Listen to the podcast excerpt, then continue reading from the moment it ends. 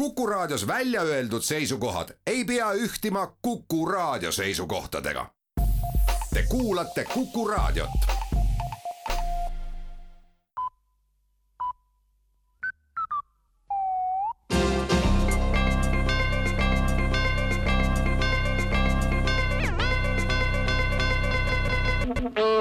tere kuulama uudiseid stuudios Rohke Develak valitsuses on laual Eesti majanduselu hoogustamise põhjapanev programm, mis näeb ette teise Eesti ehitamise. projektiga juba tegeletakse ja nüüd otsitakse investoreid ja teist Eestit hakatakse Hiiumaa kõrvale ehitama hiljemalt aasta pärast.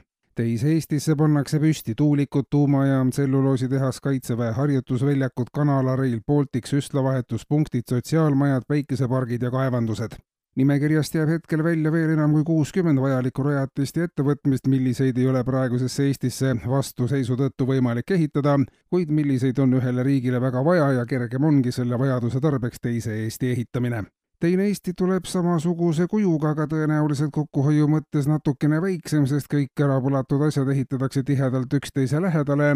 Eesti ei ole kunagi koloniaalriik olnud ning ees ootav on kindlasti rahvusliku identiteedi piire avardav, märgitakse pressiteates riigikogu rahanduskomisjon aga otsustas eile, et eri ministeeriumite eelarvetesse peitu pandud heategevuseks mõeldud raha võib siiski kasutada ja kasutada ka valdkonnaüleselt ning tingimusel, et minister, kes seda raha jagada soovib, peab kandma terve järgmise aasta jõuluvana habet ja kostüümi. Vastava atribuutika peab minister ise muretsema ja kandma seda töö ajal, kaasa arvatud ka kõikidel siseriiklikel ja välisvisiitidel ühest küljest aitab see pidevat head teinud ministri tegu kogu järgneva aasta pildis hoida ja samuti tekitab elevust, kõrgendatud meeleolu ja ootusi ka edaspidiseks, märgib rahanduskomisjoni teate lõpetuseks ja Tallinna teateid. jäälõhkuja Tarmo seati eile kõrgendatud valmisolekusse ning kui Tallinna Kommunaalamet selleks palve esitab, siis alustab Tarmo jää lõhkumisega Tallinna tänavail juba homme või hiljemalt ülehomme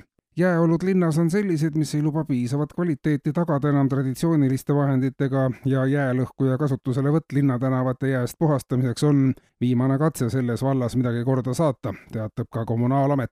jäälõhkuja Tarmo hakkab tööle peamiselt öisel ajal ja seisab päeval ankrus Raekoja platsil valitsuse Ühiskonnauuringute Keskus aga annab teada, et inimeste mure, kuidas oma palgaga kuu lõpuni välja tulla, muutub iga päevaga aina väiksemaks kui veel aasta tagasi aitas muretsemine kuu lõpuni välja tulla, siis nüüd on selline mure kadunud, sest raha on otsas juba kaks nädalat enne kuu lõppu. jaanuarikuus saab muretseda veel ühe nädala kuus ja veebruarist alates algab täiesti muretu periood ja ka erakuulutus. eile kella kahe paiku päeval unustati Tallinnas trammi number kaks kollane rahakott. ausal leidjal palutakse helistada telefonil viis null kaks kaheksa kolm neli viis. ebaausal leidjal kuus kuus neli kuus viis kuus seitse kaheksa ja kes üldse ei leia, siis telefoni neli seitse viis kuus seitse neli neli kolm.